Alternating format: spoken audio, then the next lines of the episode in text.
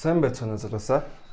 Дуван Монгол подкастын 5 дахь эпизод та бүхэнд хүрэхэд бэлэн болоод байна. Тэгээд яг одоо өнөөдөр бол 2020 оны 3 сарын 27. Cheers to the wish you were here, but you're not. Cause the drinks bring back all the memories of everything we've been through. Toast to the ones here today. Toast to the ones that we lost За өнгөрсөн лаг өнгөрсөн өдрүүд ер нь юу өнгөрөв? Баяла сүүлд сүүлийн подкаст бичихэд чинь дэлхийд дээр коронавирусын тархалт бол 140 хэдэн мянга байсан. Өнөөдрийн байдлаар болохоор Тухайд бол яг халдварын итүнгэж Италид эхэлж байсан. Одоо бол ер нь Европ төр чигээрээ одоо л 552 603 гэж хамгийн Тэгээ Америк. Америк төв маань бүр баларч байна. Америк бол одоо 85 мянга болсон. Хятадыг тохиолдолоор давцсан. тийм тохиолдол авсан тий. Тэгээ. Тэгээд нас барагчдын тоо бас их өндөр болчихлоо Европт. Ялангуяа Итали аа, 8200 хүн нас барснараа хамгийн дээшээ гарч ирсэн. Гэхдээ Хятадууд энэ вирус анх гарсан ч гэсэн Хятадд бол 3292 хүн нас барсан байгаа өчнөр. Испани нас давцсан байгаа. 4800 тэгээ 4858. За тохиолдол нь ингээд 64 мянга. Ингээд энэ барууны орнууд төр ч ихтэй ингээд яг коронавирусын бүр хямрал яг бүр албан ёсоор хилчлээ л дээ. Тэгээд энэ тоо цаашаа өсөх магадлал асар өндөр байна гэсэн тийм мэдээлэлүүд байгаа тийм. Тэгээд би бол ингээд одоо хамгийн сүүлийн мэд- үе- хамгийн сүүлийн мэдээг харж ин л дээ коронавирусын тархалтын талаар. Тэгээд эхний 20 орн дунд 14 орн нь Европын албаны. Одоо Европын улсууд байгаа байхгүй. Англи те. За Итали, Испани, Герман, Франц, Швейцар, аа Англи те. Нидерланд, Австри, Бельги, Португал, Норвеги, Турк, аа Швед, Израиль гэдэг. Ингээд хамгийн багада 20 дугаар байранд байгаа Израиль улс бол 3000 тохиолдол илэрсэн ингээд. Тэрнээс дээшээ 85000 хүртэл. Тийм. Ер нь бол тохиолдол анх анх Аз төвд гарсан. Аз бол одоо ер нь тоогоо барьцсан. Одоо яг. Европ баруун тишээ коронавирусын тархалт эрчимтэйгээр нэмэгдэж байна. Аа тэгээд аль хэдийн одоо хөө Итали тэгэхэд Хятадаас тусламж очсон байна, Оросоос очсон байна, Кубээс очсон байна. Аа Америкийн албанаас бол байхгүй байгаа тийм. аа, Америкийн нэгдсэн улсд бол улсын улсын ерөнхийлөгч Дональд Трамп маань бол Солонгосоос тусламж хүссэн иймэрхүү тохиолдол. Тэгээд Дональд Трамп бас хэвлэлийн баг хурал дээрээ бол China вирус гэж нэрлээд байгаа. нэрлээд байгаа. Энэ Тэгээд яагаад асуудлыг гарч ирээд. яагаад China вирус гэж нэрлээд байгаа гэхээр China-гаас Хятадаас гарсан шүү дээ гэдэг гэж сэтгүүлч тариулсан. Тийм болохоор. Хятад вирус гэдэг. бас нэг зүгээр Америкуудын гаргаж байгаа одоо төвшүүлж байгаа таамаг хятадууд баг албаар гаргасан энэ вирусыг эдийн засгийн дайны одоо сүрэг арга хэмжээ хийсэн гэж яригадаад байгаа. Гэтэ тэр бол яг бодит үнд тэр нийцхүүхээр жоох асуудалтай Аа тийм. миний бодлоор бол аа, Хятадын нэг сайд нэлсэн шүү дээ. Энэ бол Америкаас гаралтай. Америк манад цэргийн бэлтгэл хий- хийхдээ хамтарсан цэргийн бэлтгэл хийхдээ анхны тохиолдлыг баг энэ тавьчирсан гэдэг агуулгатай юм ярьсан. Гэхдээ нөхцөл байдлыг хараад үзэх юм бол Вүхэн хотын нэг эмэгтэй тий Хүнсний зах дээр одоо ажилтдаг эмэгтэй юм. тий тэрнээс ер нь бол эхний тохиолдол гэдгээ хятад өөрсдөө бас мэдээлэлээд байгаа. Ер нь бол тохиолдлынхаа их Тэр үүсэр бүр а, 2019 оны 10 сард Америкт нэг нас орсон хүний одоо задан шинжилгээ гэх юм уу тийм зүйлээр бол бас коронавирус илэрсэн байна гэсэн юм бол байсан. тэгэхээр яг энэ мэдээллүүд яг өөр өөрсдийнхөө зарлж байгаа тэр мэдээллүүдийг хийж байгаа хүмүүс бол аюу ихтэлтэй энийг яриад байгаа. тий яг аль нь хаа чин яг үнэн яг хаана нэг мэдгүй. Ямар ч Америк хятад хоёр дээр бол ингээд тогтож байна те ер нь бол Сайн нэг бас нэг Харвард их сургуулийн судалгаа гаргасан гээд коронавирус бол нэг хэсэгтээ намжихгүй. Бид одоо юм, бидний одоо нийгэмд тий ойролцоогоор 12-оос 14 сар гэлөө 16 сар баг тийм статистик гаргацсан. Тэгэхээр бид бол жил коронавирустэй томцсон. Аа Монголын тухайд гэх юм бол Монголд өнөөдрийн байдлаар 11 тохиол гарсан байна. Гэхдээ хамгийн сайн мэдээ нь юу гэхээр бид импортоор коронавирус авч байгаа. Аа тэгээд алдаг бүгд тий бүгд э, карантинд буюу одоо тусгаарлалт Тусгаарлалт байгаа. За тэгээ бас нэг сайн мэдээ нь халдвартай байгаа 11 хүн биеийн байдал нь муу хүн бол баг байхгүй. Тий. Бүр сайжирж байгаа 2 3 хүн бас байгаа. Дээрээс нь Францын уушгин нь одоо идгээд уушиг нөхцөлтэйсэн тэр нь идгээд ихсэн гэж идэж хэлсэн. Тэгэхээр бас энэ тохиолдлоос цааш нь нэмэгдэхгүйгээр энэ байгаа хүмүүс маань идгээд ингээд хамар сайхандаа чаргуул их сайхан байна. Тий.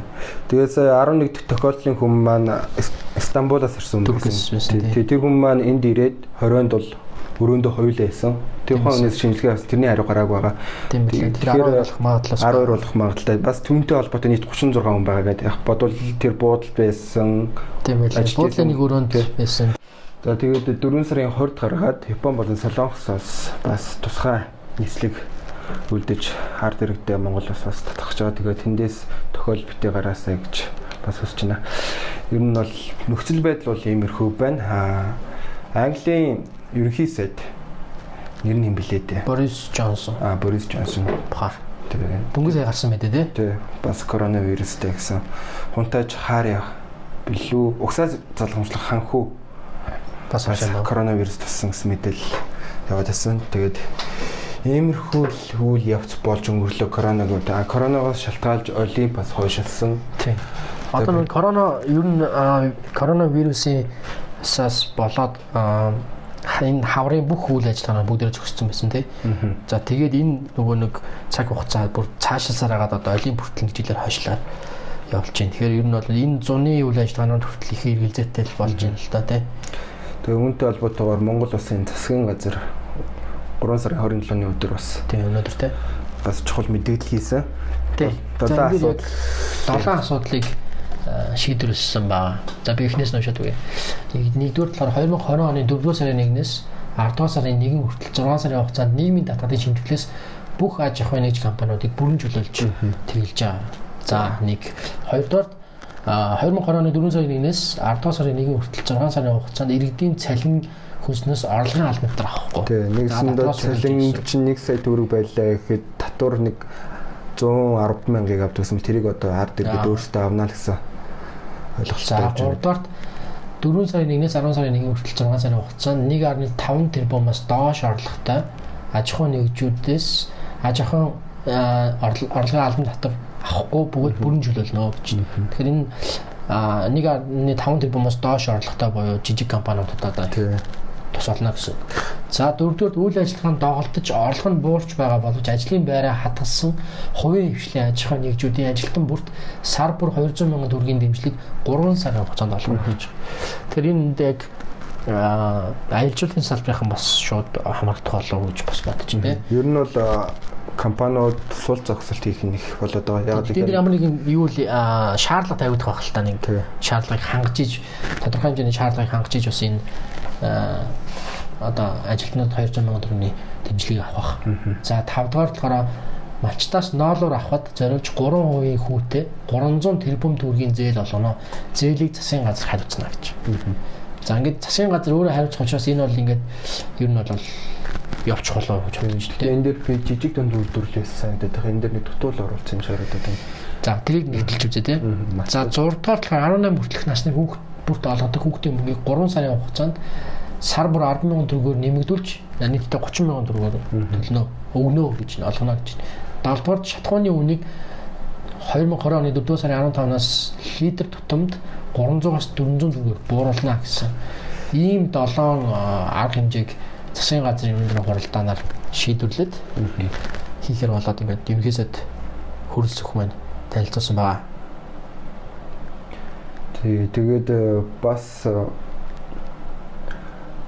засгийн газраас нөө зээл төлөлт байгаа штэ. Зээл төлөлт сангийн сайд сангийн сайд мэдээлэл хийсэн тийм мэдээлэл хийсэн 3 сараар зээл төлөлтөд хойшлуулна гэд. Тийм ээ. Өнөөдөр бас бүх банкны удирдлагуудтай хуралдаж байгаа. Хуралдаж хуулсан байгаа. Тэгээд үүнтэй холбоотойгоор ер нь бол хэвлэл мэдээлэлээр хаан банк, төрийн банк бол хүсэлт авнагддаг тий. Үнэхээр та төлөх боломжгүй бол хүсэлтээ хийлгэнэ үү гэдгийг бол мэдээлэл аль хэм цацаад эхэлсэн. Бусад банкны мэдээлэл бол хараагүй нь хараахан. Тэр маргаашнаас тодорхойлох баха. Тий. гэж бодож байна тий. За тэгээд чи энэ ер нь засгийн газрын энэ гаргасан долоо шийдвэр дээр ер нь юу харж байна? Би бол цагаа болсон шийдвэрлэж харж байгаа. Аа. Яг тэгэхээр яг өнөөдөр бол жижиг компаниуд болон жижиг гэлтгүй ер нь бол том компаниуд зогс зогсолтод хүрэх, дээрээс нь ажилдаа цомтох уу, эсвэл сул зогсоох уу гэдэг асуудал Гарч ирсэн гарч ирсэн байсан. Тэгээд тэр нь ч гэсэн багч гэсэн дэмжлэг үзүүлээд цомгтох биш, сул зогсоо эсвэл одоо хин татврын хөнгөлж ийна гэдэг чинь бол одоо хин компаниудыг а, татврын дарамтаас одоо ангид байлгаж чадсан нэгэн үйл ажиллагаа хэвэн явуулах бас нэг нөхцөлөөр хангаж байгаа төрийн. Тэр бас энэ бол зөв шийдвэр. А бензиний хувьд гэх юм бол 300-аас 400 төгрөг бууруулна гэдэг маань угаасаа дэлхийн зах зээлд нэг баррелийнх нь үнэ Бууцсан байгаа. бууцсан байгаа тэрнтэй холбоотойгоор яг 4 сарын 15-наас л яг Монголд импортер одоо Орж ирэх орж ирээд ард ирэх Би бол энэ долоо шийдвэрийг яг хав зөв шийдвэр л дээ. Гэхдээ жоохон оройтч гарч ийн удаа л ч хараад. яг орой Яагаад оройтч гарсан бэ гэхээр бас аргагүй бах л та. Яагаад тэр одоо ингээд нөгөө барууны орнууд ер нь дэлхийн нийтийн хямралын байдлаар шууд шилжчихсэн. Тэгээд э, Монголын эдийн засаг бол мэдээж бас гадаадын дэлхийн нийтийн эдийн засагтай шууд хамааралтай учраас бас э, дэлхийн нийтийн нөхцөл байдал ямар байгааг шалтгаалж одоо шийдвэр гарсан баг л та нэгд. А хоёр бас бид нар ийм шийдвэрүүд гарлаа ч гэсэн нэг юмыг бас ойлгох хэрэгтэй. Монгол улс төлөөрөнгөө тийм хангалттай баян орн биш. А дотоодын бүтээгдэхүүний үйлдвэрлэдэг чанар те. Нэг хүнд навд дотоодын бүтээгдэхүүн бага. Төгрөгийн ханш жилийн тусам муунаад долларын ханш, еврогийн ханш өсөж идэг. Ийм эдийн засгтай орн учраас хичнээн бас эдийн засгийн зөв арга хэмжээ авсан ч гэсэн ер нь ирэх жилүүдэд бид нар бүсэж хангалж нэлээд хэцүү л үзнэ л гэдгийг нь бол ойлгомжтой болчлоо л да.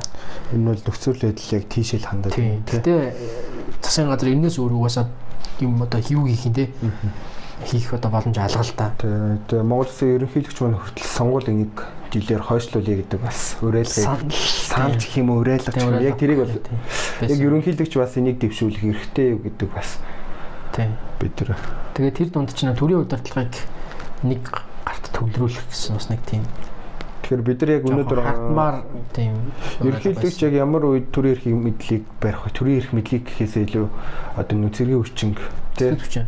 Зэвсэг төвшинг удирдах вэ гэхээр онц байдал зарласан. Тэгэхээр Монгол улс яг тухайн онц байдлыг зарласан уу гэхээр үгүй зүгээр бид хилээ хаасан дотор нь үйл ажиллагаа явуулж байна. Тийм онц байдал буюу дайны үед Тэгээд дайны үед 6 сар хүртэлх хугацаанд байдаг хамгийн удаан үзүүлэлт. Тэгээд аа, төрийн удирдлагыг нэг гарт авах бол арай их тухай бас бүр яг нөхцөл байдал бас тийм айхтар хүндэрчгээг байна.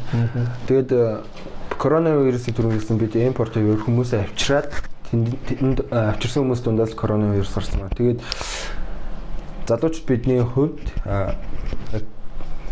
хийх одоо хин цаг нөхцөө бүх зүйлүүд одоо ингээд хаагдсан. За спорт зал тий фитнес фитнесүүд бүгд хаагдсан байна.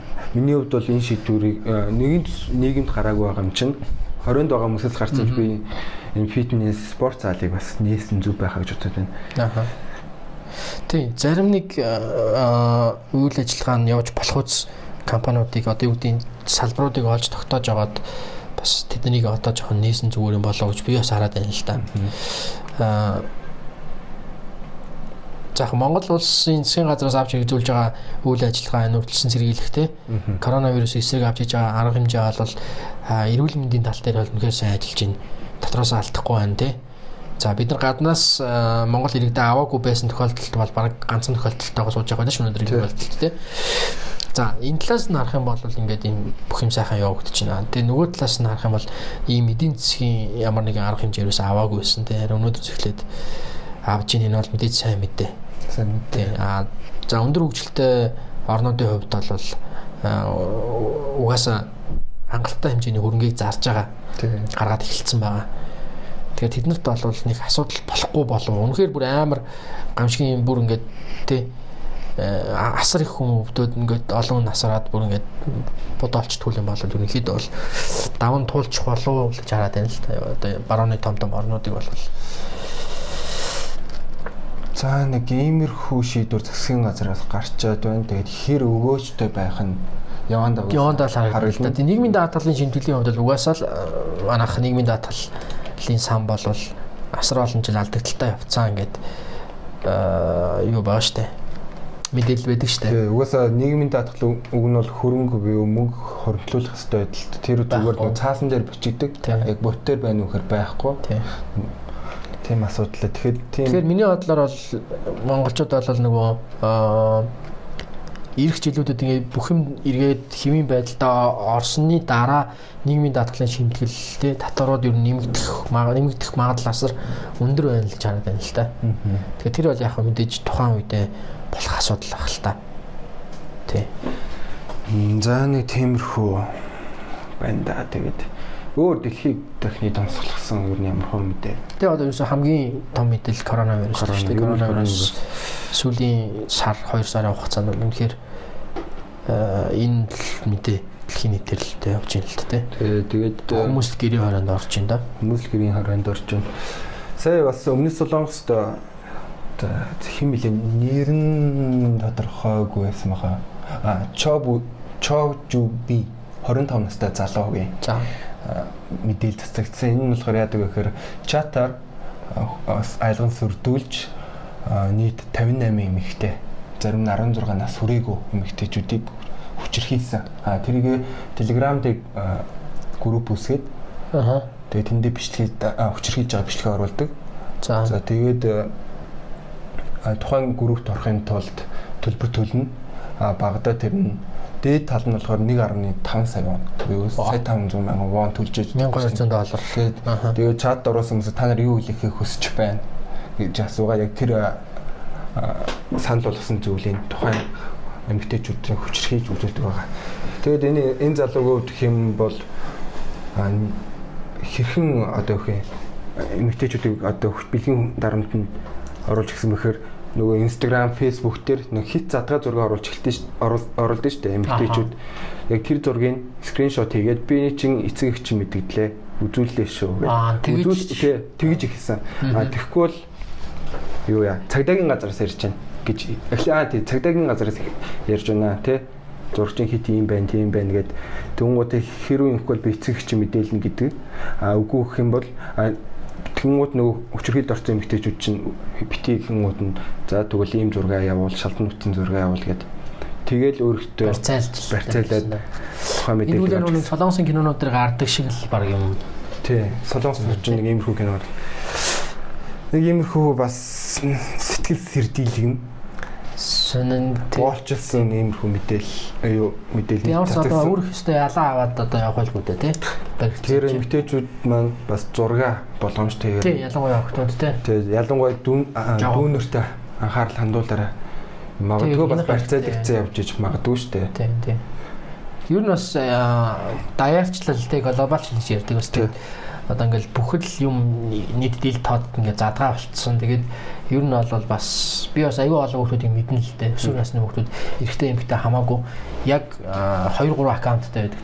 Тий. Гэр бүлийнхэнтэй нэгээрээ л найзлдаг ч юм уу. Бусд нь бүр блок хийсэн ч юм уу гарч ирдэггүй. Тэгээд яг нөгөө өөрийнхоороо байдаг ингээд задгаа ил задгаа байдаг. Тусдаа хөтэлдэг тийм одоо блог юу аккаунтууд байдаг тий. Тэгэхээр эцэг эхчүүдээс тэрэн дээр анхаарлаа хандуулах хэрэгтэй байх. А нөгөө талаас залуу хүмүүс байна бас иймэрхүү элдв янзын аа, гэмтэргийн золиос болохоос бас урьдчилан сэргийлэх хэрэгтэй болов. Тэ. Энийг бол яг зүгээр аа, анхааруулга маркаар энэ мэдээг оруулж байгаа. Тэрнээс бол бид тээр бол нэг яхтар сүрэг хандлттай аа, мэдээг нэг Хүмүүс хүсдэггүй хүмүүс мэдээлэл хангалттай авч байгаа. Өмнө хэлжсэн шүү дээ. Өмнөх эпизод хоёр хэлжсэн болч гэдэг зүйл маань өөрчлөгчөөд байна. Тэ зэргийн үчээр өмнө болчдөг гэсэн бол одоо энэ жишээн дээр авах юм бол зүгээр л зургаар нь дарамтлаад тухайн эмэгтэйг өөрийнхөө иргэшээлд байлгаж байна гэдэг чинь бас нэг болчлын хэлбэр бол авчиж байгаа. Аха. Тэгэхээр энэ маань асар өргөн хүрээнд авч үзгэр байгаа. Тэгэхээр тал талдаа бодолтой байхгүй бол нийгэм буюу нийгэм болон сошиал сүлжээ маань өөрөө ямар их риск эрсдлийг дагуулж байгаанаас харагдаж байгаа. Чи санаж байгаа бол хоёулаа нөгөө хамгийн ихний подкастынхаа дугаар дээр бэлэн мөнгөний бодлогыг шүүмжсэн шүү дээ. Бэлэн мөнгө тарах бодлогыг.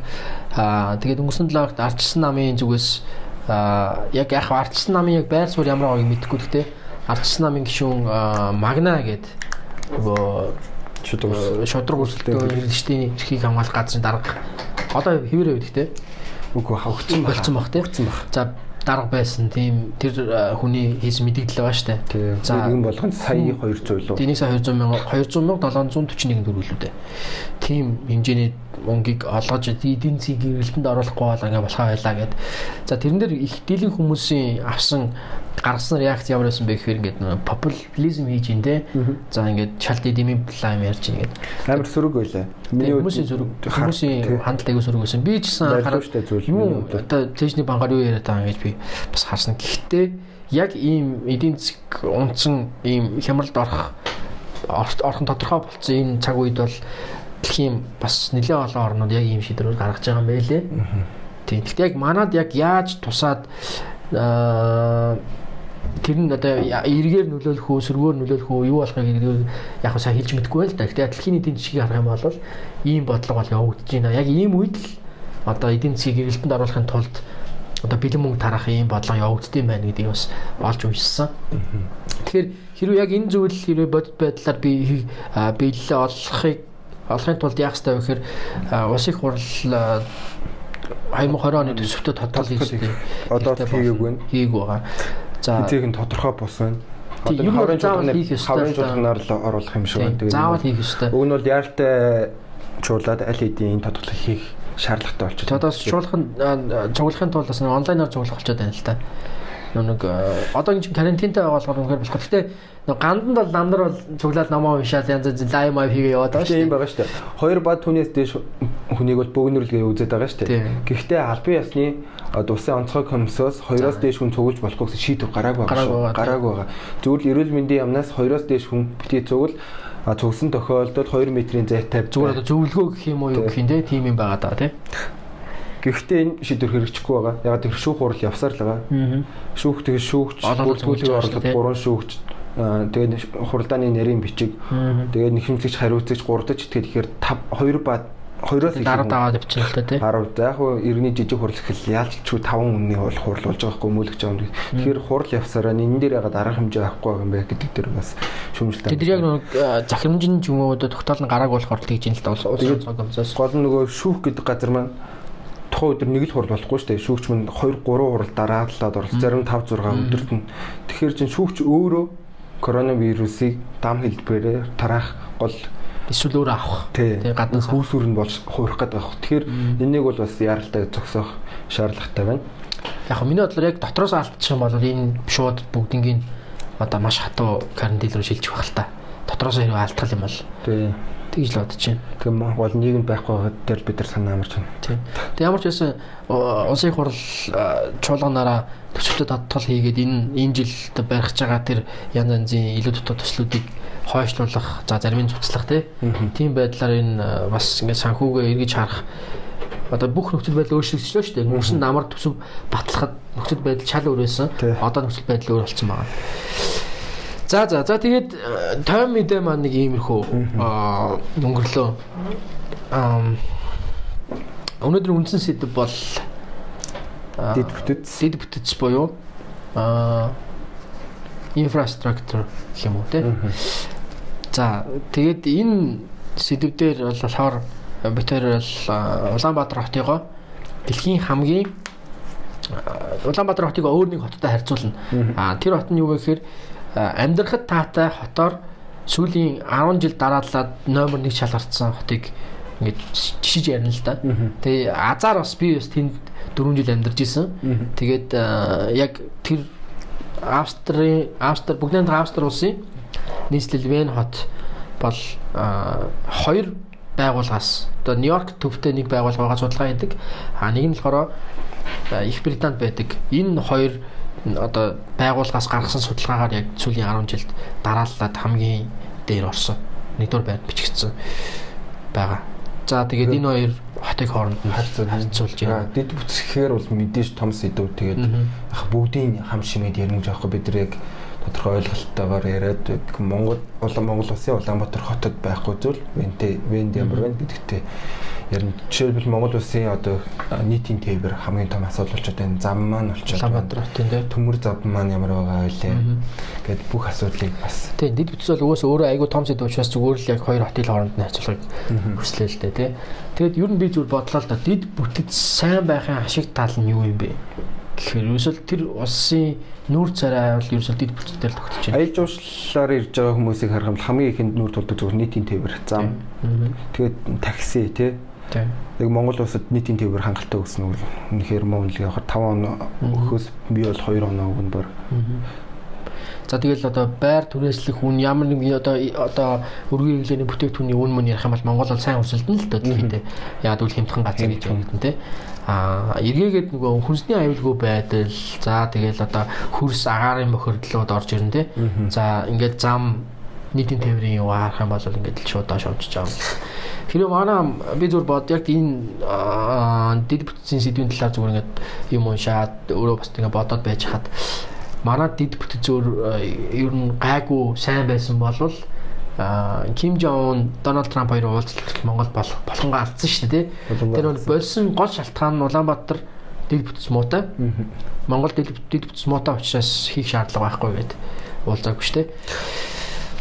За тэгээд дэд бүтц сайн байх тусам бол улсын нэрдээ туризм, аялал жуулчлал бүх юм бүх талаар маш их одоо өгөөчтэй амьдарч байгаа хүмүүстэй өрөөгөөчтэй байд юм байна. За тэгээд энэ амьдрахад таатай хотын жигсаалтыг одоо гаргаж хооронд нь өрсөлдүүлэхэд үндсэн нэг 4 5 зөвлөөр л одоо жигсаад юм байл л да. Одоо гимт хэрэг гаралт байна. За нийтийн тээвэр байна.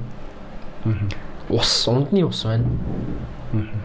А одоо өргөн хэрэглээний бүтээгдэхүүний үн байна. Тэгээд байрны түрээсийн үнээр. За яг байрны худалдаж авах хүн биш. Түрээсийн үнээр хооронд нэг харьцуулт юм байл та. Тэгээд дэлхийн том том хотууд ч юм болохоор ер нь хүмүүс ингэ түрээсийн байраараа юу их амьдардаг. За тэгээд энэ түрээсийн байран дээр яагаад Австрийн Вен дандаа ингэж өндөр оноо авдаг вэ гэхээр аа аа нийгмийн байр гэх юм да одоо монголоор орчуулах юм бол одоо усаас байр орон сууц жил болгон 9000 орон сууц дандаа жил хэрэг тусам ашиглалтанд оруулдаг. Аа тэгээд яг Австрийн иргэншил авсан хүмүүстээ тэр байрыг асар бага хэмжээний түрээсээ суулгадаг. Түрээсээ тэгээд явандаа өөрт өөрөө авах уу? Нэг Тийм боломж бас байгаа. Тийм дотроо бол аюу олон төрлийн юутай л та сонголттой. Зүгээр яг аюу хямдхан ингээд байранд суугаад байж болно. Эсвэл тодорхой хэмжээний хөрөнгө өгөөд тэрэн дээрээ ингээд одоо юу гэдэг зээл маягаар ингээд явсараад олон жилийн дараа эргээд тэр байраа өөрөөр болгох. Тож нэг Монгол гэх юм бол тэр буян тухай хоёрын хажууд нэг биш барилсан байгаа шүү дээ. Сайн нэг суглаа явуулаад Аа. Хэд хэдэн хүмүүс код авсан. За код авсан хүмүүсийн тоо нэлээ их байсан. Тэгээд тэрэнд болохоор эхлээд түрээс хэлбэрээр төлж яагаад явандаа өөрийн байр болгож авахаар Монголоос хэржээд эхэлсэн.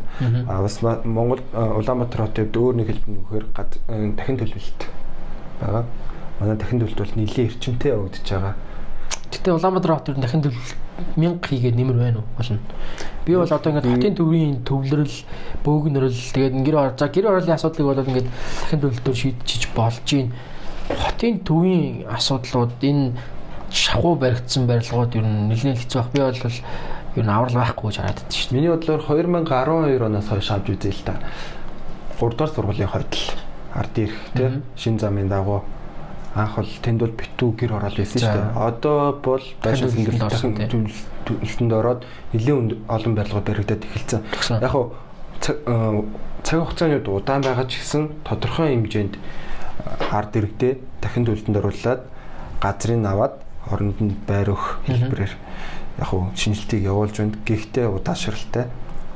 Гэхдээ миний хувьд бол энэ удаан ч гэсэн явах юм бол удахгүй 32 32 дуу тойрог байгаа шүү дээ. Хаашаа. Хаашаага яг тэр хүртэл бол гэр орол байхгүй болох байх байхгүй болох. Тэгээл баг багаар л явах л ах л та. Тэгээд үгүй яах вэ? Зүгээр гэр ороолыг бол ингээд дахин төлөө шийдэж болж би яг түрүүн ярьсан шиг хотын төвийн энэ асуудал аягүй хэцүү байгаа байхгүй. Тэгээд энэ зам зам өөрөө айгүй хэцүү баригддаг. Одоо энэ төвийн ус зайдуулах амарч хоолой байхгүй. Бороо ороход л тэгэл амар хэцүү байдал тулгардаг тий. За тэгээд энэ дугуун зам анханасаа төлөвлөгдөөгүй Улаанбаатар хотод тий. Тэгээд инхээр дэлхийдээ өрсөлдөх. За зүгээр дэлхийд өрсөлдөхөө болио л да. Зүгээр амьдарч байгаа хүмүүсээ ингэж бодсон бүтц Улаанбаатарт одоо бүгдийг шинээр нойлоос эхлэхгүй бол аюул хэцүүлчихэж байгаа юм. Яг уу Улаанбаатар хотыг маань анх 300 мянган хүнтэй 500 мянгаар 300 байсан зү. 300 байсан санагдаад байна. 500 мянган хүнд одоо зориулж боссон тоххой. Тэгэхэд өнөөдөр Монгол э, Монгол Монголын хүн 200 маань 300. 3 сая га- гарan гэж үзэхэд тэрний бараг 40-с 50 хүн Улаанбаатарт Тий. амьдарч байна. Манай Улаанбаатар бол хоёр дахин ачаалал авцсан байгаа. Тэгээд гол нь а, одоо хин барилга архитектур архитектурын ерөөсөө ямар ч юу байхгүй. Шаардлага байхгүй. Газар бол өндөр барилга барьдаг. Тэрэнд нь одоо авт зогсоол хүүхдийн тоглоомын талбай гэдэг ерөөсөө тооцдог. Тий. Энэ дээр тэгээд нөгөө юу л явцсан байгаа юм л та. Нөгөө аа хуулийг хуулийн хэрэгжил гэх юмсаа байхгүй. Одоо шинэ нэг байрны зөвшөөрлөгийг авахын тулд аа өндөр барилга барин за урталтаа тэгвэл ийм ийм тогтчил тийм. Тэгээ наваа байгууламж барина гэсэн. Ийм үйлчлэний газар. Тийм одоо нөхцлөөр тэр газрыг авчаад тэрийг баг хийдэггүй байхгүй. Гол нь тэгээ усын комисс хүлээг авчдаг байх барилга барих. Тэрийг тэр нэг тэгэл нэг наа наануу цаануу яриа хөрөөдөг өөрөө шийдчихэж байгаа ар үрийн хаалгаар. Тэгэхээр яг ийм байдлаар ингээд бүх юм явцсан. Тэнгүүд яг хуу зүгээр энэ бол зүгээр хөв хөв хүний хувиа хийжсэн л зангаас үүдэлтэй баг. За зүгээр тэр барилгыг барьж байгаа хүмүүс зөвхөн өөрийнхөө төлөө л бодож байна. А нийтийн эрх ашиг гэж одоо ерөөсөө байхгүй болчиход байна. Харин нийтийн эрх ашиг байгаад нийтийн эрх ашиг бүгдээрээ нэг зүгт чиглээд миний эрх ашиг чиний эрх ашигыг ашигаар хязгаарлагдана гэдгийг бүгдээрээ ухамсарлаж ойлгоод ингэж явах юм бол хуулийн хэрэгжилтээр яг хуулиараа бүх юмаа ингэж явах юм бол явсан бол өнөөдөр бол байдал арай өөр байхалаа л та. Хоорондоо ингэж нэлээ ингэж ойр хойрхон баригдсан энэ одоо барилгууд байна. Голынх нь ингээд зам за орж гарах. За ингээд нөгөө нэг одоо орон сууцны хороол дундах замууд байна. Хоёр урсгалтай нэг урсгалтай мэддэхгүй. За тэгэнгүүтээ шууд игнээ ин дээрээ авч зогсоолын асуудал асар том асуудалтай учраас эхний игнэн дээр ингээд зогсчихдаг. Нөгөө зорчгоо игнэн дээрээ хоёр машин зурж чадахгүй. За тэгэл ингээд энэ бол зүгээр ингээд наацхын шиг болсон шүү дээ. Тэгэхээр энэ болгон дээр анханасаа зөв бодлоготой яваад ингээд гудамж талбайгаа аль болох өргөн хийгээд ногоон байгууламжаа илүү олон хийж ижил энэ одоо дэд бүтцийн хөгжил анханасаа яриадах байсан болов. За тэгээд энэ шугам шугамын асуудал байдаг шин Монголд. Улаанбаатар хот. Зум хавар болгонд нэг юм засаал янзтал зум болгонд хийгээл. Улаанбаатар хотын одоо энэ шугамын асуудал асуудал дээр за Азийн хөгжлийн банк, Европын сэргээн босголтын банк хоёроос э, банкны санхүүжилтээр сая төс- э, 300 сая Америк доллар гэсэн байхаа би За. зүг санаж байна. Яг тиймэрхүү хэмжээний хөрөнгө оруулалт авч байгаа юм билээ. За нэг зориулж. дулааны шугам клиренс солино өөрчлөлт хийнэ гэдгээр. Тгийсэ. Тэгэхгүй бол жил болгоол нөгөө нэг усаа хаалгуулаад халуулсан байхгүй хамаатны очиусанд ордог үйл явдлал ингээл зун зунжингаа өрнөдөг шүү дээ. Хинэний дөөчл хит танах арлуус байна уу гэлөө. Тэгж асуудаг тий. Тэгээ гол нь яг хуу дулаан дулааны шугам байна. А гол нь миний хувьд бас хамгийн их анхаарал хандуулах хэрэгтэй зүйл бол одоо зам болчиход байна. Зам маань ихэнх нь эвдрэлтэй. Энэ эсрэгээрээ бидэрт яаж нөлөөлж юм гэхээр иргэд маань э, эд хөрөнгөөр хөрч автомашин тий эвдэрж байна. Замын одоо хин нүх хүнд одоо ингээл ус ингээл бороо орцсон битүү ус багчл явж байгаа тас тас гэж явчихж байгаа юм чи. Юу үлээ гээл ихэж авчил нэг нүхэнд нь ороод доод хоробоо цохол Бохрын ус зайлуулах хоолой уусаа байхгүй. Тэгээ байгаа шинээр хийснүүд нь хоорондоо яг ингээд зөв одоо инженерийн шийдлэр хийгдэг болохоор ингээд айгу буруу болчиход байна л та. Тэгээ би ингээд чи бас анзаарсан бах Европ ингээд харахаар замуудыг орон сууцны хорооллууд ч өнө хаан ч хамаагүй замыг харахад юм бөмбөр байдаг шүү дээ тий. Одоо ингээд тэгшин биш. Тэгээд яагаад тийм байдаг хэрэг бороо ороод үс замын хоёр тал руугаа ус нь явж явах хэрэгтэй гэсэн тийм одоо хідэн грацаар ч хийдэм яг сайн мэдэхгүй юм л гэхдээ тэгж хийгээд ус зайлуулах хоол руугаа ус нь орж идэг. Тэнгүүд ус тогтохгүй. Хичнээн бороо орсон ч ус тогтохгүй. Тэгэхээр яг энэ байгалийн үзэгдлүүдийг энэ хурд унцыг бүгднийг хэмжээд энэ яг зөв шийдлэл явах хэрэгтэй л та. Тэгжиж замын ч гэсэн шууд багсан шүү дээ. Тэгээ борооны бас нэг аюул нь юу гэхээр нөгөө хөрсний бохирдол байгаа. Тийм шууд Бороо орлоо гэр хорооллоос нөгөө жорлон дүүрдэг тэгэл хотын төв рүүгээ урсаад ороод ирдэг. Тэгэл нөгөө ням бактери нүрждэг. Тийм асуудал байна. Тийм. Тэгээ Улаанбаатарын ундны усны асуудал нь одоо ер нь хэр болж байгаа юм бол бас нэлээд асуудалтай болж байгаа гэж яригддаг. Унтны усныхаа Туул дээр голын л одоо энэ газар доор хусаалаад ай саварч гол нь Ай савар. барилга байгаа одоо river garden байна. Одоо жишээлбэл Комболазаас урагшаа чинь ямар үнийг өрүүлээ их их Монгол Маршлинг. маршлинг өр Ма- маршлинг үрийн хажууд хоёр талаар ч битүү байшин бариад тийм. Маршлинг үрээс зүүн тишээ чинь бол унд ундны усны Яг одоо хэсэг гэж ярьдаг шүү дээ. Ер нь газрын доор газар доор байгаа усаар л одоо юу байдаг гэл. Тэгээд энэ том том шийдлүүд хэрэгтэй л байна л да. Өнгөрсөн юм дээр ярьжсэн нэг усан цахилгаан станц те иймэрхүү зүйл ингээд хийгдэхгүй бол болохгүй байна л да. Хин хийх нь хамаахгүй хятад нь байна Орос нь байна Америк нь байна. Ямар ч л байсан усан цахилгаан станц Монгол баригдах юм бол тэр Монгол улсад л өгөөж өгнөх өргөл. барьж өгсөн хүмүүс хин байх нь өнөөдөр үндэл сонь байха болчиход байна л да. За тэгээд Вен хотын усны ус бол хамгийн одоо бас номер 1 байдаг гинэ. А ер нь бол Европын ихэнх орнууд усаа шууд уудаг штэ Канадаас уудаг. А Австрийн Вений ус болохоор яг Альпийн орноос татдаг. Гэхдээ бүр 300 хэдэн км цаанаас татдаг юм л. Яг дунаа мөрөн байл байгаа. Яг Вен хотын голоор усч идэг. Гэхдээ усных нь одоо татдаг ус нь дунаа мөрнөөс биш. Альпийн нурууны газар дор байгаа уснаас татдаг юм л. Гүний ус гэсэн үг л дээ. Тэгэхээр маш э, ер нь бол цэвэр усны цэвэр юуны хувьд бол цэвэр бохрын хувьд бол үнэхээр маш цэвэр байд юм байна. Хаан дээр нь аа би яг тоог нь санахгүй. Гэхдээ 10 хэдэн градусын дулаантай Европ ер нь одоо тэр э, шууд усаа уудаг орнуудын бол 10 эцсийн хэдэн градусын дулаантай ус гард юм байл. Тэр бол хүүтэн байх тусмаа цэвэр гэж үздэг юм байна. Тэнгүүд Австрик болохоор 8% тай 8 градусын дулаантай ус гардаг гэх- гэхээр хүний бие өөрөө 30 хэдэн градус гэж бодохоор 8 градусын ус уухад хүүтэн санагдана. Тэгэхээр одоо ер нь бол гарч байгаа хамгийн хүүт ус усандаа л орд юм байна л да. За тэгээд би тэр усны системийн талаар ингээд ер нь бол ингээд бүр 40 50 минутын байранд кино үзсэн. Тэгээд үнэхээр тэр инженерийн шийдлүүд тэр агнаасаа тэр усаа ботсон энэ төлөвлөлт нь бүр үнэхээр агуу хийсэн байсан. Тэгээ би тэгж тэнд амьдарч байхдаа 300 км-ийн цаанаас ус татдаг гэдэг юм уу мэддгүй байсан. За тэгэд усныг төв- төвлөрүүлсэн 2 3 юм одоо том байгууламжууд байдаг. Тэгээд тэр байгууламжууд эхнийх нь хамгийн их нь хизээ ашиглалтанд орсон байх гэхээр нэг за нэг монголчууд бол энэ австрийг CC хатнаар аягуулсан мэддэг шүү дээ. Кино гардаг байсан. За CC хатан ч юм болохоор а, 19-р зууны сүүл үе 19-р зууны дундаас сүүл үед ер нь Австрийн хатан хаан байсан. Нөхөр нь Франц Йосеф гэд а, хаан байсан. За тэр хааны үед бол асар их бүтээн байгуулалтууд нь явагдажсэн байхгүй. За тэр усны тэр хоолойг татах Альпийн нуроноос авч татах тэр асуудлыг бол тэр хааны үед шийдэжсэн юм л. Тэгэхээр тэр чинь бол 19 дугаар зууны сүүлийн үед тийм бодлого гаргаад ундны усаа шийдвэрлсэн байгаа байхгүй. Тэгээ тэр тэр гаргасан бодлого нь өнөөдрийг хүртэл ингээд 130 40 жил ингээд амжаад яг нэг бодлогоо ингээд бариад ингээд усныхаа асуудлыг ингээд шийдтсэн, бүрэн шийдтсэн. Тэгээд ус нь үнэгүй хамгийн гол нь ус нь үнэгүй гэдгээр амар том одоо нэр хүнд яваад байна л та. Би бол Италид байхад бол бас худалдаж авдаг чинь 6 гараа бодсон бодлоо Канаднаас шууд хэрэгэлдэг. Хэрэгэлдэггүйс нь тий. Тэгээд дандаа бас авдаг.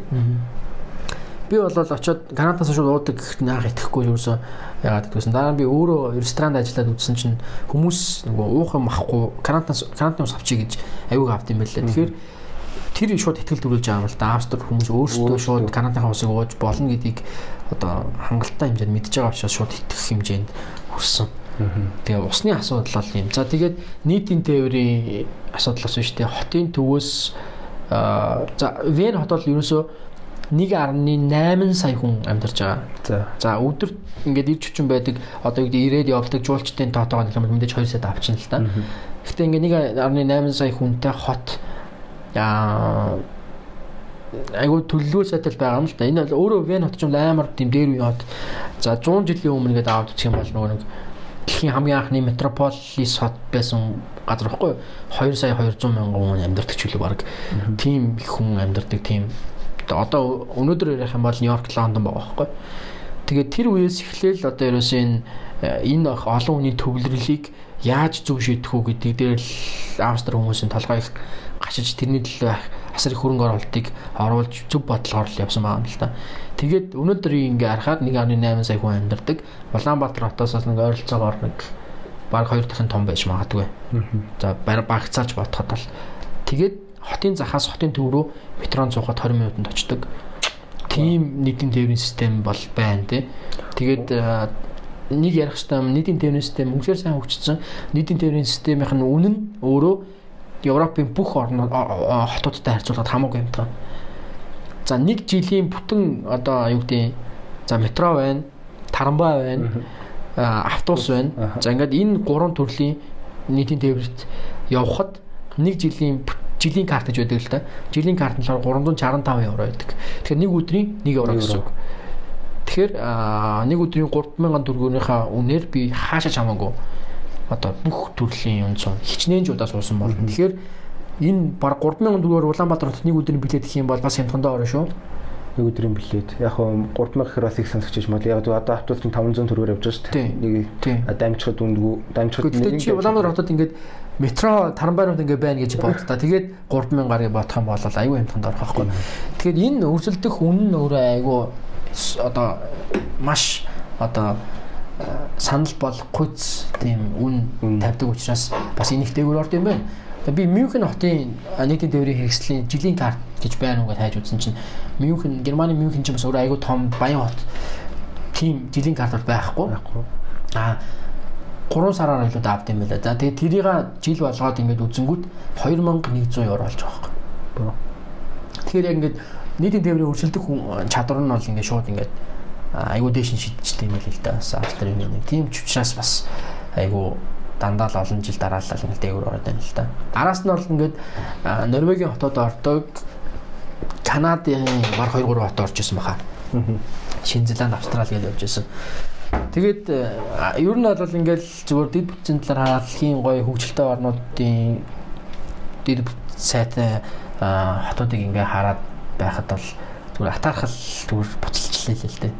Тэгээд э, яаж энэ одоо юу гэдэг Улаанбаатар хотын өнөөдрийн тулгамдсан байгаа асуудлуудыг яаж идэх вэ? Төвлөрлийг бол гаргахгүй л бол одоо хүн нэмж аваад бол ингээд бүр асуудал бүрл нэмэгдэнэ гэхээс ерөөсөө юу яах вэ?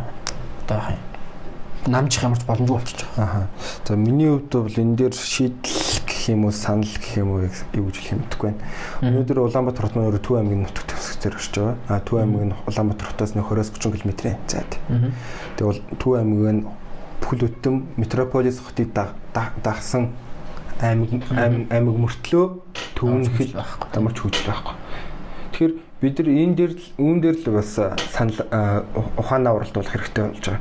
Яг л тэгэхээр намайг Итали сурж байхад өөр хотоос ирээд хичээлдээ суучаад оройн буцаад явчихдаг метрогоор. Метрог нэг галт тэргээр.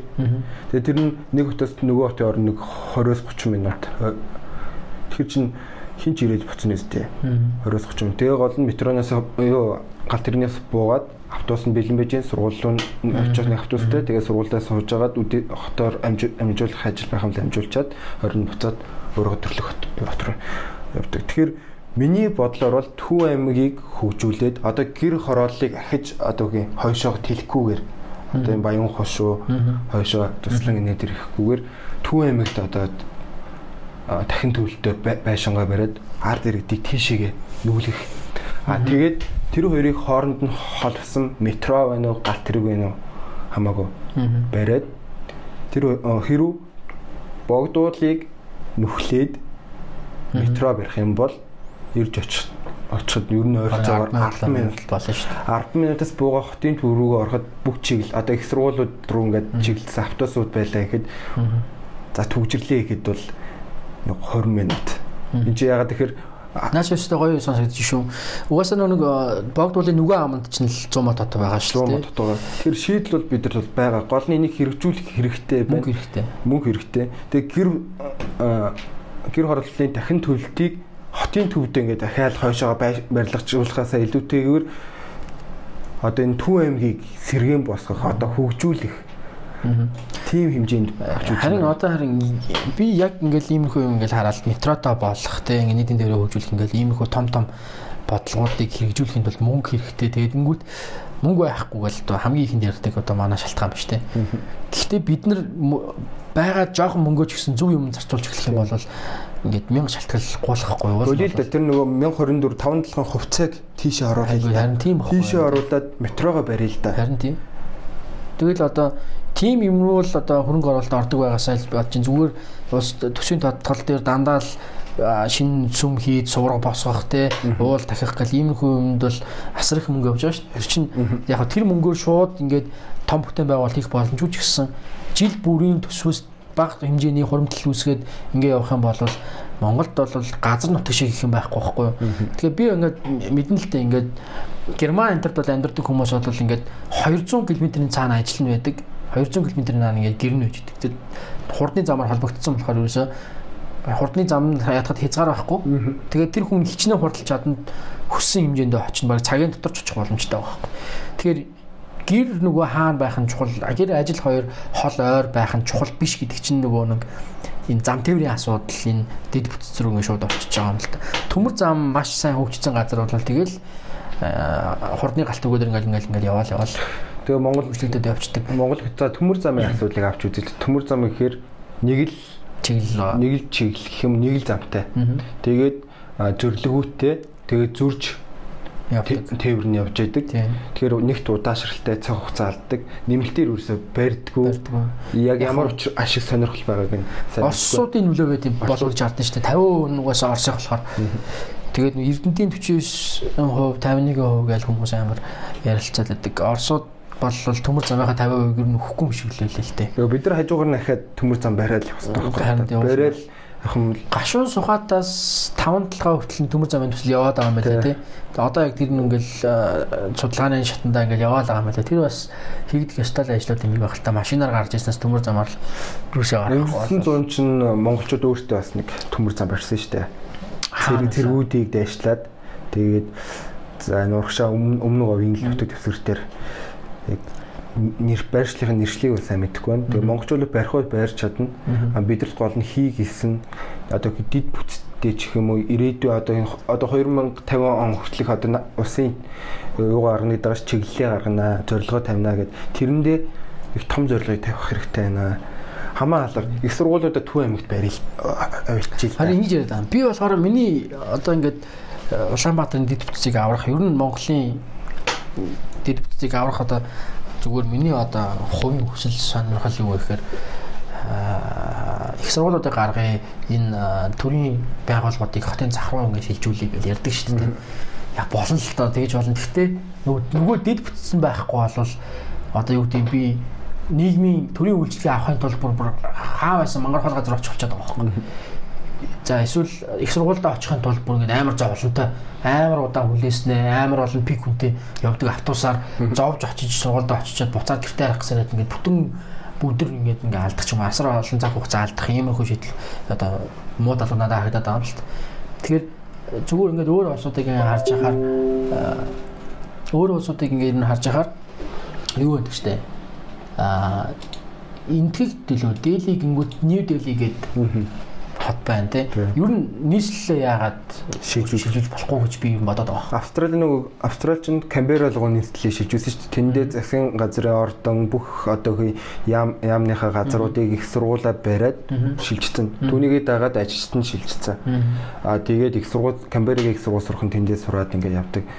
Миний хувьд бол төрийн байгууллагыг Төв аймаг руу шилжүүлчих болох байхгүй. Тэгэхээр бүр Төв аймагаас хол ивэл зүгээр хам нь хар хор мар ч юм уу. Болно. Зүгээр яг яг миний зүгээр харж байгаа хараагаар бол ерөөсөл нийслэлээ шилжүүлэх бүтэн ийм одоо том төслөөр өөр шинэ хот байгуулад бүгдийг ихнээс нь бүр нойлоос эхлээд бүх одоо усны нөөц юу байна вэ? Бүгднгийн шинээр төлөвлөөд тэгээд явах юм бол тэгээ тийм л одоо юу штэ миний хувьд бол тийм л гаргалаа. Юунд дээр бол яг Улаанбаатар хотын усны нөөцийг ингээд дахиад шинээр яагаад даа дээр нь ингээд энэ шинээр орлон баригдаж байгаа барилгуудыг бүгдийг шинжлэх гэдэг юм бол баг шинэ хот барихаас илүү зардал илүү төвөгтэй болчих болол. Нисхийн тийшээ сая засгийн газрын ордныг барьсан шүү дээ. Засгийн газар нийтийн засгийн газар ордон. Одоо хан гар дээр ордон мөн тийшээ шилжүүлнэ гэд. Тэгэд ажилчны эсэргүүцсэн гэсэн тийш очихгүй. Яг тэр гэрээс олдоод байна яармаг. Ирж очих асуудал байхгүй. Тэн чин одоо төгжрөн төгжрөн гэдэг асуудал. Тэнд нь тэгээ ажилтныхан байр эдрийг барай. Уг нь засгийн газар одоо тий энэ олон засгийн газрын байрууд байгаа шүү дээ. Бүгд тийшээ шилжчих юм бол Улаанбаатар хотын төвжирэл тодорхой хэмжээнд Ягсан руугаа шилжих байхгүй. Багасна. Баруун жишээ бид нэг юм ерөөсөө мартчихлахгүй. Улаанбаатар хот угаасаа л 500 мянган зориулагдсан тийм одоо зориулж боссон хот учраас тийм хэмжээний хүмүүс л амьдрахад одоо таатай. Тийм болохоор одоо илүүдээ гараад байгаа тэр 500 мянгаас дээш болцсон байгаа хүмүүсээ өөр тийшээ шилжүүлэх юм арга хэмжээл авах. Энэ хүмүүсийн ингээд бөөгнөрөд байгаа бөөгнөрлийг яаж холбоолох вэ гэхээр Улаанбаатартай өрсөлдөөц хэмжээний Улаанбаатараас хамаагүй бүр гоё хотыг л хаанигтай барих хэрэгтэй. За заавал тэр нь шинэ нийслэл нь байха болио л доо. Гэхдээ яг өрсөлдөөч хэмжээний хотыг өнөөдрөөс эхлээд эхлүүлэлтэй. За 20 30 жил хинч очихгүй байж болно. Тэнд бүх бүтээн байгуулалт явуулах хэрэгтэй. Тэгээд өрсөлдөхүйц болоод ирэх үед бол заавал хүмүүс гаднаас Улаанбаатарт ингэж энэ утаатай, энэ төгжрэлтэй, энэ газар хэн амьдрахыг хүсэх юм бэ? Ахыг хүсэж шүү дээ. Тэгэхээр ингээд зүгээр нэг засгийн газрын юмнуудыг ингээд Улаанбаатарт ойрхон эсвэл ингээд хотын зах руу ингээд байрлуулад, мянга байрлуулад нөгөө хүмүүсийн сэтгэл санааг бол зүгээр стресс өдөрхийн нэмэр болов. Одоо нөгөө дүүжин дүүжин зам барина гэдэг байгаа шүү дээ. Баян шунаас хотын төв рүү бослоо. Тэр нь одоо өвөл яах юм? Тэгээд дүүжин дээр хэрэг гацч тэр нь тий эвдрэл гэмтэл гарвал яах юм. Гэхдээ тэр рискийг бол би төсөөлөхгүй байгаа. Тэгээд миний бодлоор Улаанбаатар хотод метро барина гэдэг асуудал одоо нэгэнд ярихад өнгөрсөн. Өнгөрсөн. Ягаад тэгэхээр барилга хитрхийн нэг барьсан тий. Тэ хийвэл. Нэг барина гэхээр Тарамбагийн зам хаагур барих уу гэдэг асуудал ирдэг байхгүй. Ахаад нэг дээшээ өргөөд одоо юу юм гүүр барьж байгаа гүүрээ метро хамгийн одоо боломж төвөрлөнд хэр гэж юм Улаанбаатарх. Тэнгүүд гүүрээр барьсан метро ч нөөрэ газар дуугаар явдгаас хэд дахин үнэтэй бол босдог гэж байгаа байхгүй. Тэгэхээр ингээд тэр бол бид нар бол үнэтэй сонголт хийх. Тэгэхээр метро барих чиглэл маань ердөө Төв аймаг дээр байгаа байхгүй. Миний хувьд хамгийн ойрхон миний бодогчод Төв аймаг руу. Тэгээд нэг л зам байл та хоёр л зам байл та метрог ирж очдөг. Тэгээд рисктэй хооронд тойл явж яадаг.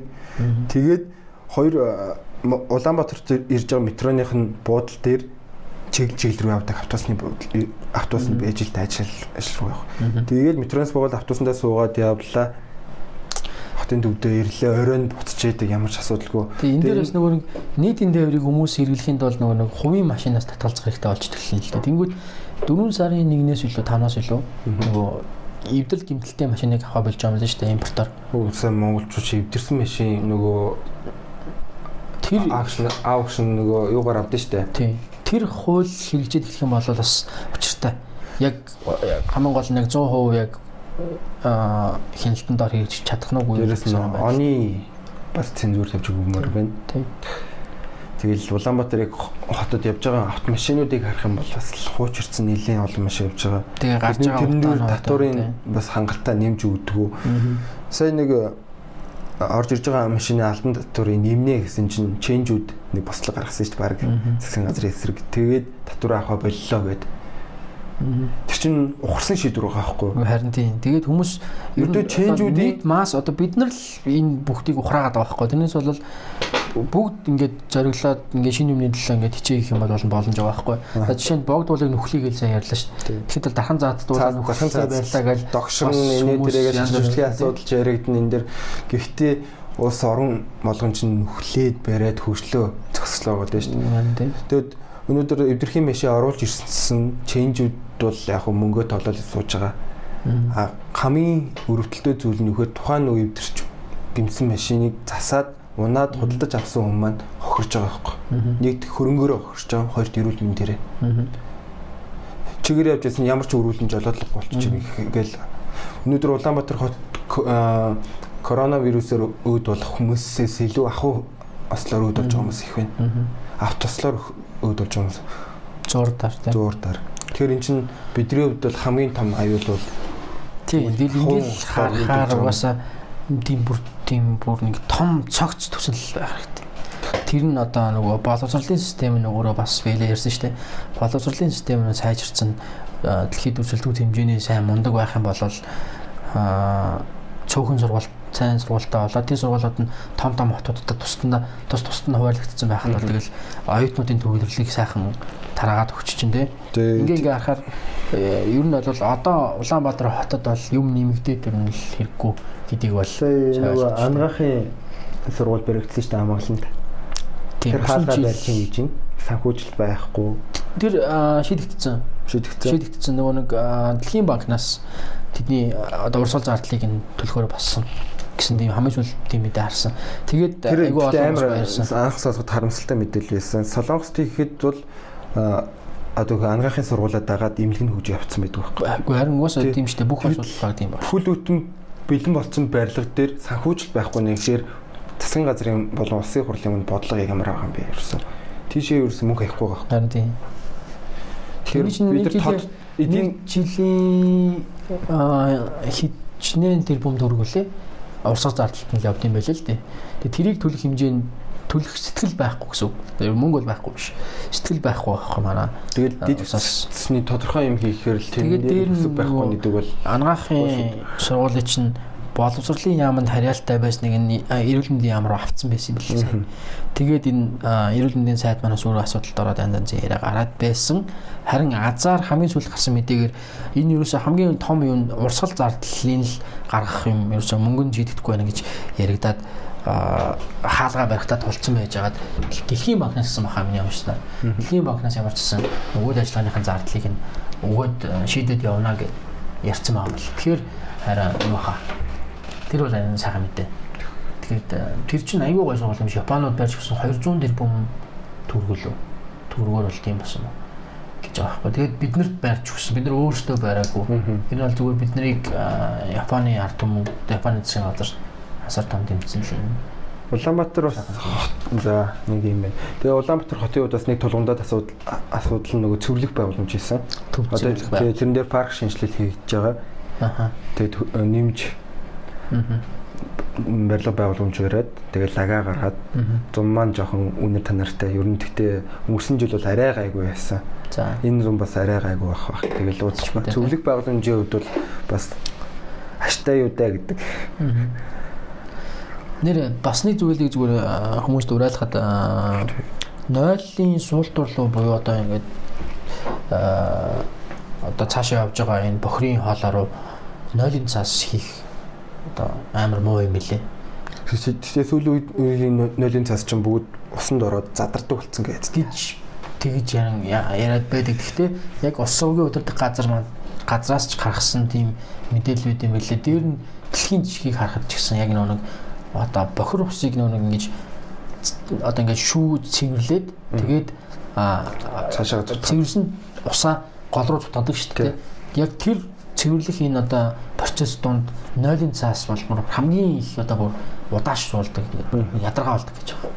Тэрээс яг хаа хүмүүсийг уриалахад бол нойлын цэсийг бас нойл руу хийхгүй байвал одоо хийгэндээ их амар одоо ядаж төв зөвлөх байгууламжийнхаа нас нас нь а, удаашрнаа л гэсэн үг юм.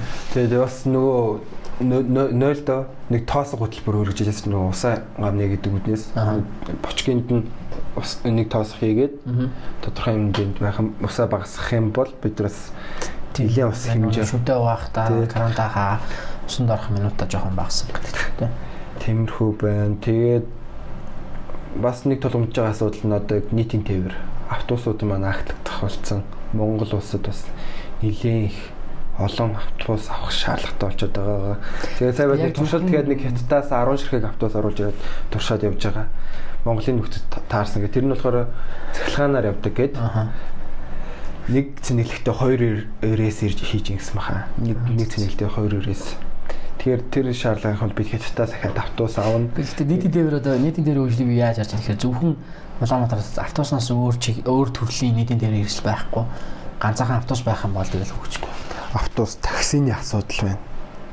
Гэхдээ одоо яг ингээд нийтийн дээр нь ийм муу байгаа тохиолдол одоо ингээд хувийн такси одоо би Байхаас хэрэгцээ шаардлага нь байгаа болохоор э, оршин тогтноод байна л. Тэгэд яг энэ эд хичээл сургуулийн үед бол одоо яг карантинлэгдсэн байгаа болохоор түүжил яриагаагүй. Тэрнээс бол яг эд хичээлжсэн бол одоо зүүн дөрвөн замаас баруун дөрвөн зам хүртэлх бол тэгэл нэгдүгээрийг нэ битүү автобус түүжрэл. Ялангуяа 13 13-аас багшийн дээд хүртэл бол зүгээр автобус метро өсчихдээ шүү дээ. Ингээд автобусууд дараалал зогссон. Гэрлэн төхөн дээр ингээд ойчрлцсан. Тэгэхээр хэцүү тэгэл юу жишээлбэл жууквас хотын төв рүү орж ирэх ойролцоогоор цагаас нэг цагаас 2 цаг зарцуулдаг шүү дээ. Дээ. Тэгээ хаашаа баян хушуунд дээр амьдарч байгаа хүн зүүн дөрөв замаас баян шуур явахад хитэн цаг зарцуулах юм. Зүгээр л нийтийн төвөрт дор хаяж 2-оос 3 цагийг 24 э, дөрвөн цагийн амьдралын 2-оос 3 цагийг нийтийн төвөрт Аа. зарцуулж байгаа гэхээр хасар их цаг хугацааг бид бас халдаад байна. Харин тийм. Тэр тэгэл одоо миний би л тэрэн дээр хэд юу жаардаг гэхээр тэгэл аа, нөгөө дахин төлөвлөлт эсвэл одоо нохтой нүүлгэн шилжүүлэх тийм л одоо арга хэмжээл авсан. Бүгдийг шинээр эхлэхээс өөр аргагүй болчиход шүү дээ. Нитратай болмоор байна. Тэгэл тарамбай байдаг бол сайхан байна. Дугуун зам байвал гоё байна. Даанч бүр тэгэл мөрөөдөл болол байна л та. Ихэнх ер нь нийслэл хотууд маань ер нь бол гол түвшиглийг түвшиглж байгуулсан байдаг шүү дээ. Аа. Усаал дагаал л та тийм. Тий усаад байгаа. Одоо Вен ихэд л Дунаа мөрөн. Байна. Ром а, Тера ям а, юу лээ. Ром их чинь бас нэг том мөрөн гол дагаж бас байгуулж Улаанбаатар хот нь туул гол байна. Өнөөдөр би сэлб голол харчих яг ямархан нөхцөл байдалтай байгаа илээ.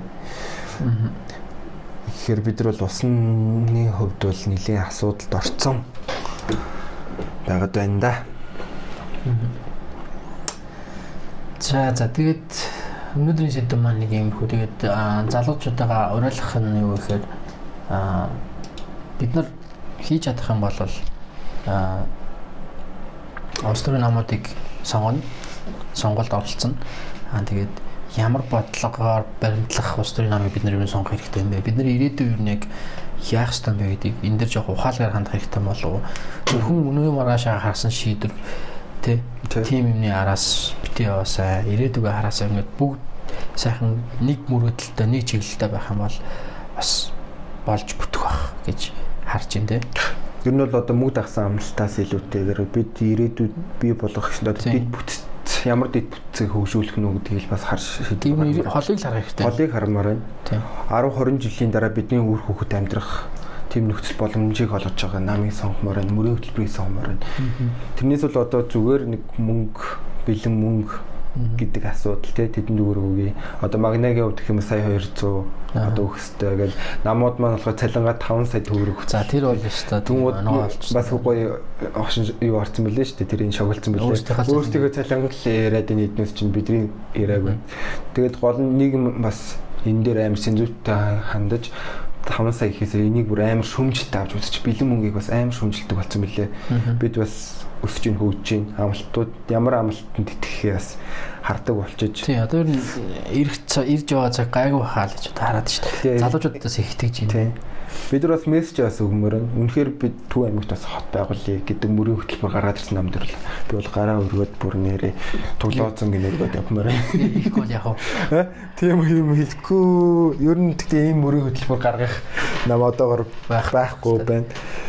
Гэхдээ сайн ирж байгаа, сайн цаг ирж байгаа. Бид рүү ирж байгаа тэрийг одоо их ийм мөрийн хөтөл хөтөлбөрийг дэвшүүлэх бас нам эсвэл Тэр хийх э, хүн зорилготой хүн гарч ирэх байх гэж найдаж чинь үнэхээр За за. За ингээд манай подкастын 5 дахь дугаар тийм өнөөдөр тав дугаар 5 дахь дугаар ийхүү өндөрлөх тийшээ хандж байна. Нэг мэдсэн чинь бас цаг ярьчихжээ. тий бас хурдан хурж байна. Гэтэ айгүй том сэдв байсан бас. бид нар тэгтээс дид бүтцийг бол үнэхээр жижиг жижигхэн базаад л ярьлаа. Ер нь бол асуудлуудыг Хүрээл авлаа л та тийм. Зүрээл авлаа. Яг өшөөл олон шийдлийг дараа гаргасан бас дугаар гаргаж болно. Ингмээр нь тэгмээр нь За тэгээд дараагийн дугаар хүртэл баяртай юу. баяртай тийм. Түр баяртай. Түртэй. Тэгээ эрүүл энхийг хүсье. Маскаа сайн зүгээр гараа сайн монголчууд. гараа сайн гэж. Тий. За баяртай.